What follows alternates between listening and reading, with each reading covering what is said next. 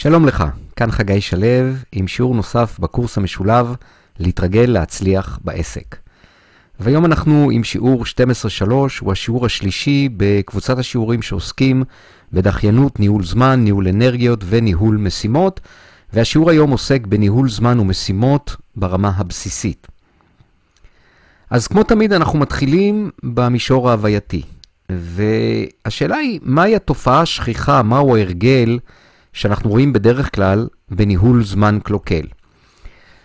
אלו התופעות, אי עמידה בזמנים, איחורים, אי הספק של משימות, עבודה, עבודה עד שעות מאוחרות, דחיינות, ריכוזיות, ואולי יש עוד כמה דברים בסגנון. ואז נשאלת השאלה, מהי התופעה השכיחה אצלך? מה אתה רואה אצלך שיושב בבסיס של ניהול הזמן הלא מספיק טוב שלך. וברגע שאתה מזהה את התופעה, נשאלת השאלה, מה הפרדיגמה התוקעת? כלומר, תסתכל מה אתה אומר לעצמך לפני שאתה מבצע את, ה, אה, את ניהול הזמן הלא מספיק טוב שלך. מה, מה, מה אתה מספר לעצמך? מה יושב שם ברקע? ואז, איזו פרדיגמה חדשה אתה רוצה לשים לקבוע לעצמך כדי שתוכל לשנות את ההתנהלות הזאת. ואני מפנה אותך לפרק 5 שעוסק בשינוי הפרדיגמות, הוא ינחה אותך איך לעשות את זה. וכמובן, אתה יכול גם לתקשר את זה איתי. ואז בואו נראה איזה כלים מנטליים. כלומר, פרדיגמה, שינוי פרדיגמה זה אחד מהכלים המנטליים החשובים ביותר לשיפור ניהול הזמן. אה, ואז איזה כלים מנטליים נוספים אנחנו יכולים להשתמש בהם כדי לנהל את הזמן שלנו בצורה יותר אפקטיבית. אז קודם כל, להכיר, להכיר בזה, לא להדחיק, לא להתעלם, לא להזניח, להכיר בזה, לשים חזק במודעות שלך, שמה שאתה צריך זה יותר תכנון, יותר סדר ויותר ארגון. אוקיי? זה כבר חצי מהדרך. ואז מחויבות לשינוי. מחויבות לשינוי זה אומר להשקיע בזה תשומת לב ומשאבים. אוקיי? תכף נראה איך אנחנו עושים את זה. בעיקרון יש לך את המנגנון, המנגנון הוא נוסחת מה בתוך, מודעות, התבוננות עצמית בהרבה נקודות ובחירה. חשוב לוותר על שיפוטיות עצמית ועל פרפקציוניזם, כי שיפוטיות עצמית ופרפקציוניזם מורידים מתחת לקו, גוזלים זמן, ולכן פוגעים ביכולת לנהל את הזמן. קבל את הנסיבות ללא שיפוטיות ולהתמודד איתם, כלומר מיקוד שליטה פנימי, מצד אחד קבלה, מצד שני נכונות להתמודד, להיות על-על נסיבתי. לסלוח במקרה של תקלות ולשקם את האינטגריטי, שיעור 7-1. לא לרצות לקוחות ואחרים. לא לרצות כי ראינו שריצוי גורם לנו אה, להשקיע הרבה זמן כדי שאחרים יהיו מרוצים ולא כל כך אנחנו, ואז לא נשאר לנו זמן לעשות את הדברים שהם חשובים לנו. אגב, גם בפרפקציוניזם, ההשפעה על ניהול הזמן היא אה, הצורך להשקיע עודף זמן בפעולות פחות חשובות, ואז לא נשאר לנו זמן לפעולות החשובות. תמיד פוקוס על המשימה הקרובה, זה משהו שמאוד יעזור לנו לנהל את הזמן שלנו בצורה טובה ולא לפספס, לא להזניח אה, או להתעלם. וכמובן להיות מעל הקו תמיד עוזר להיות באנרגיה, בפוקוס, ב-IQ יותר חזק וכולי, יותר גבוה. המפתח זה לעבוד יותר צמוד עם רשימת המשימות והיומן. כלומר, להסתכל ביומן וברשימת המשימות לפחות ארבע פעמים ביום, כל צפצוף שלישי, שמונה, אחד עשרה וכך הלאה.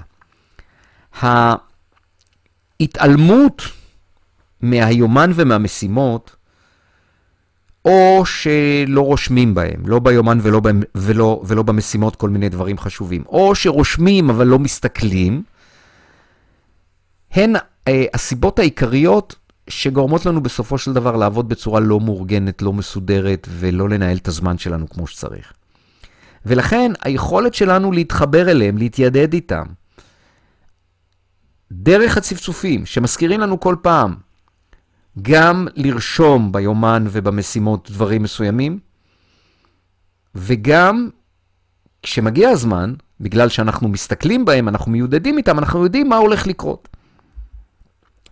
בצפצוף הראשון של הבוקר אני ממליץ לעדכן את רשימת המשימות שלך להיום, לאותו יום. אפשר גם ערב קודם, בצפצוף האחרון של, ה, של היום קודם. וגם להיות במודעות ללוז ולעדכן אותו. כלומר, הצפצוף הראשון של הבוקר, אני פותח את רשימת המשימות ואני אומר, אוקיי, זה הרשימת משימות שלי, מה אני רוצה לעשות מהם היום? 1, 2, 3, 4. אוקיי, נהדר. מסתכל על הלוז שלי. איזה פגישות יש לי היום? איפה יש לי זמן חופשי? איפה אני רוצה לקבוע פגישות עם עצמי? כדי שהמשימות החשובות לא רק יהיו ברשימת המשימות, אלא גם יהיו בלוז. ובעצם הקשר הזה, השוטף, עם המשימות ועם היומן, עוזר לנו להתחבר אליהם ולעמוד בהם. ונכון, תמיד יש פחות מדי זמן ויותר מדי משימות. ולכן, התעדוף, ההיערכות מראש, המיון שלהם, הקביעת מה, מה עדיף על מה, אה, כולל לדחות דברים בצורה שקולה, מתוכננת. זה בסדר גמור. אז לרשום ביומן פגישות עם עצמך. כבר חזרתי על זה כמה פעמים בקורס הזה.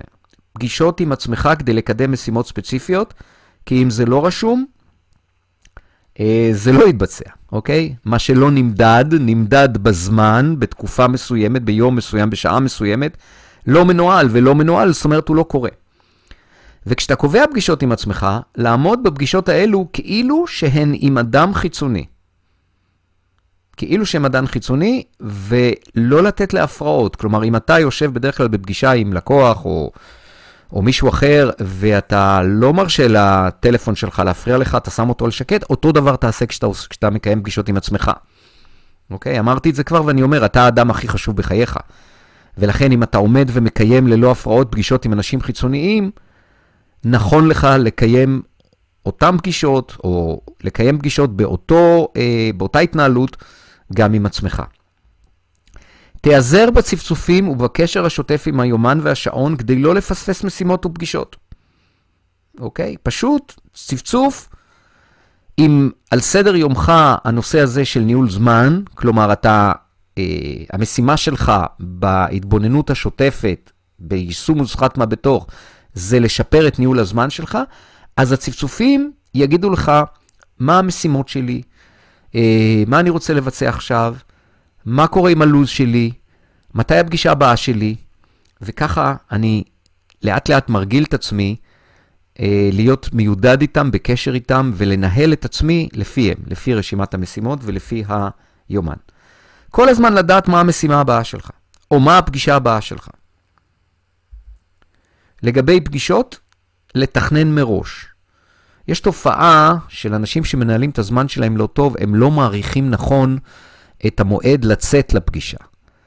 והתוצאה היא הרבה פעמים שהם מאחרים. אז קודם כל, זה לא נעים, זה לא נוח, אה, זה פוגע בדימוי שלך ובתפיסה, איך אתה נתפס על ידי אה, זה שאתה נפגש איתו.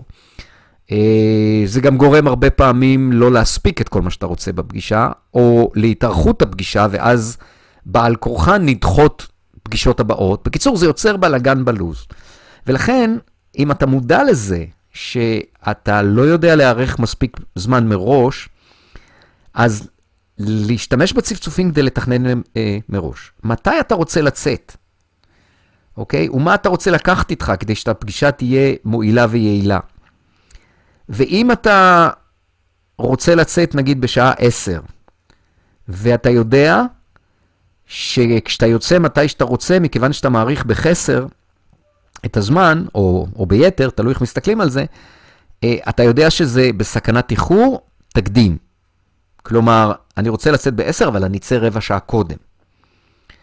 אה, כל המודעות לזה, כל ההתבוננות בקשר לזה, מתוך ההיכרות עם העבר שלך, עם ההרגלים שלך, יאפשרו לך לבחור את אותן בחירות קטנות בכל הנקודות האלו על מנת לנהל את הזמן שלך נקודתית טוב יותר, במקרה הזה את ההגעה לפגישות, וכשאתה תיישם את זה שוב ושוב ושוב ושוב, זה יהפוך להיות הרגל חדש.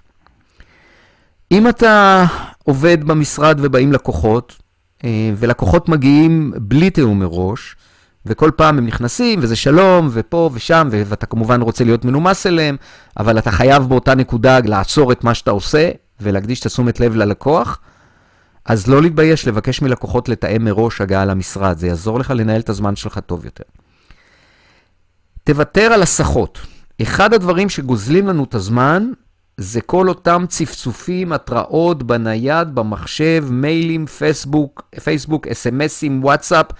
בלי עין רע, יש לנו היום המון המון הסחות כאלו. כמובן, טלפונים נכנסים, רשתות חברתיות, עובדים שנכנסים. אה, למה רשמתי פה טלוויזיה? אה, כן, טלוויזיה שעובדת ברקע ומדי פעם מושכת את, את, את התשומת לב שלך. או, או ילדים, כן?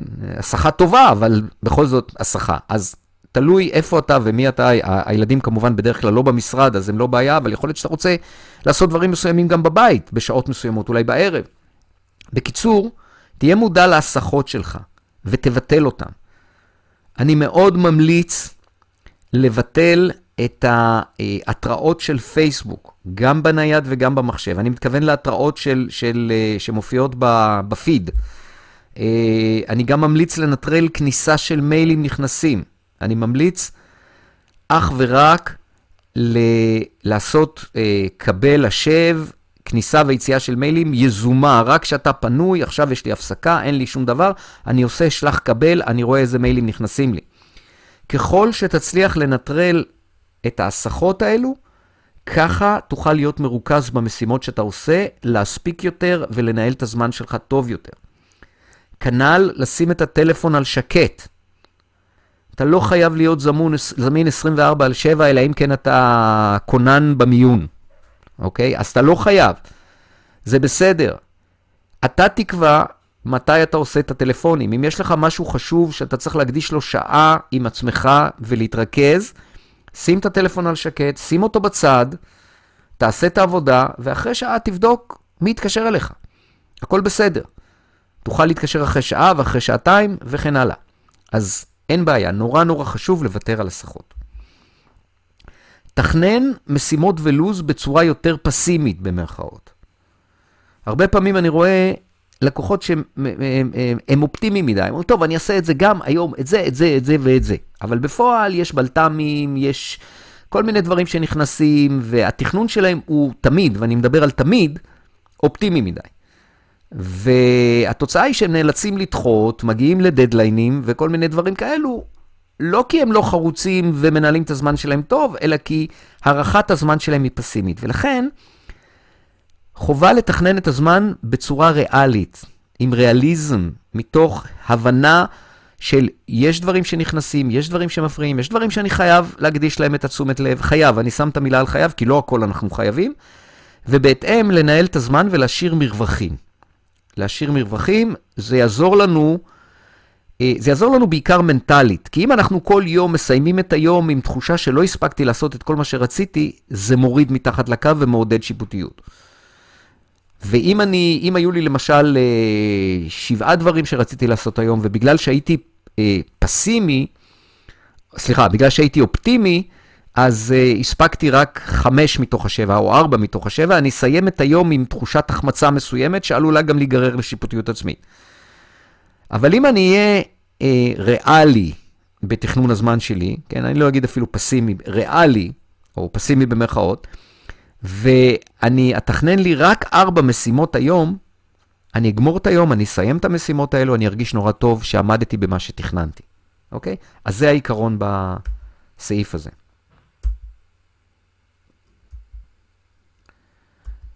שנייה.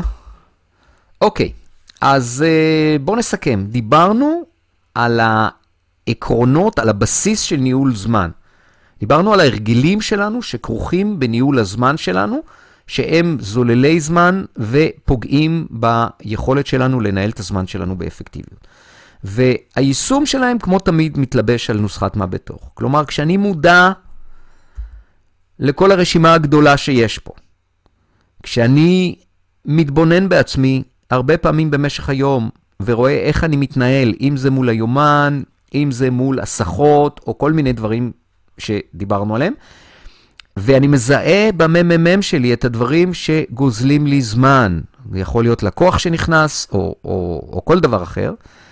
אני יכול בנקודות האלו לעשות בחירה, בחירה אחת קטנה אה, בממ"מ שלי, או במחשבות, או במילים, או במעשים. בדרך כלל זה יהיה במעשים. למשל, אם אני מתבונן עכשיו, אני רואה שאני מוסך, או מתבונן, מה שנקרא פה, בדיעבד, אוקיי? ואני רואה שהיו לי הרבה מאוד הסחות, אני יכול לעשות בחירה לנטרל את ההסחות האלו.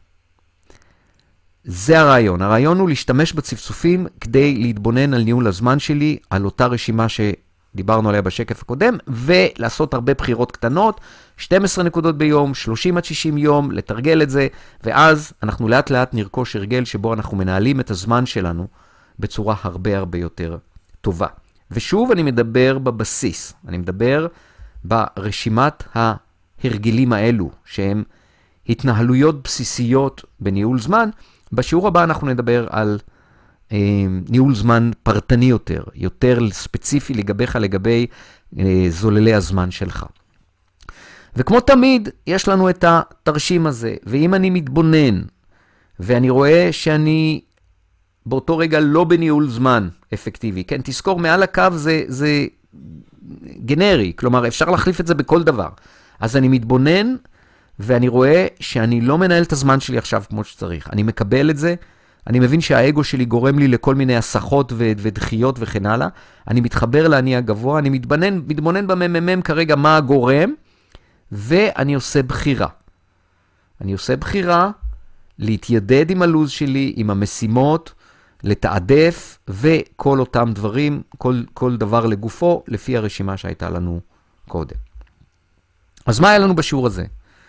דיברנו על הבסיס של ניהול זמן קלוקל, וראינו שיש שם הרגלים רעים שאנחנו רוצים לשנות אותם. תמיד, בכל הרגל, בכל התנהלות, יש פרדיגמה ברקע, פרדיגמה תוקעת, ואנחנו רוצים לשנות אותה בהתאם לדרך שלנו לשינוי פרדיגמה. בבסיס המנטלי של ניהול זמן אפקטיבי, נכון להכיר בזה שאתה צריך יותר סדר ותכנון.